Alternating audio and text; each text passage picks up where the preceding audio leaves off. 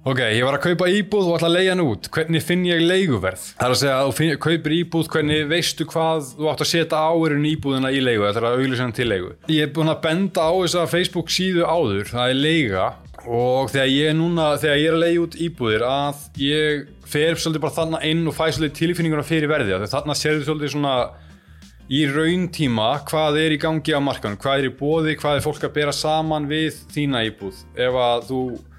Þú er með, íbúð, með fjárherbyggi íbúð í Hafnarferði og hvað eru svipaðir íbúðir? Bara þú getur farið inn á leiga og leitað af fjárherbyggja eða Hafnarferði eða svona einhver leitar að þannig að reynir að sjá hvað er í bóði af svipuðum íbúðum.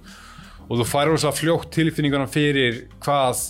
rétt verð er. Og þá kemur að einu mjög mikilvægu og það, það má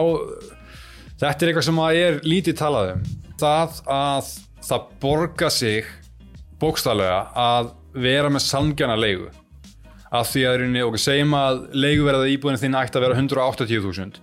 þú finnur eitthvað sem er til að borga 190 eða 200.000 og það eru svo margir sem að lenda í því að fá slæma leigindur bara eitthvað neina af því að þau geta fengið aðeins herri leigu í stuttan tíma og það er einmitt leikil orðið í stuttan tíma því að svona leyendur endast aldrei. Þeir sjá að þeir eru að borga herra þeir spotta strax að þeir sé að borga herra aldrei markasverð og þeir eru neyri fljótur að fara segja upp leigusamningnum með kannski stuttum fyrirvara eða er henni bara að láta ekki ná í sig. Það er alveg dæmi um alls konar svona scenario þar sem að þú verður fyrir tekju skerðingu í kannski heilan mánuð af því að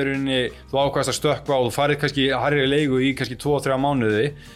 en það fylgir ofta miklu meira vin, miklu meira vinna á vesen, þú veist, annarkvært er bara síminn non-stop að ringja út af einhvern vandamálum og eitthvað. Og það ef þú missir kannski sérstaklega út með lán og ert að borga á lánum á íbúðinu sem að þú ert að treysta að fá tekjur inn. Ef þú missir mánu þá getur, verið, getur tekið kannski ár að borgi sig að þú fegst einhvern auka 10-20 skall á leiguna í nokkra mánuði þannig að þú tapar 180 skallum ef þú missir leigu, þannig að það getur vel verið að finnist strax leigjanda og allt svona. En það sem ég reyna að segja er unni að eða markaðsverðið á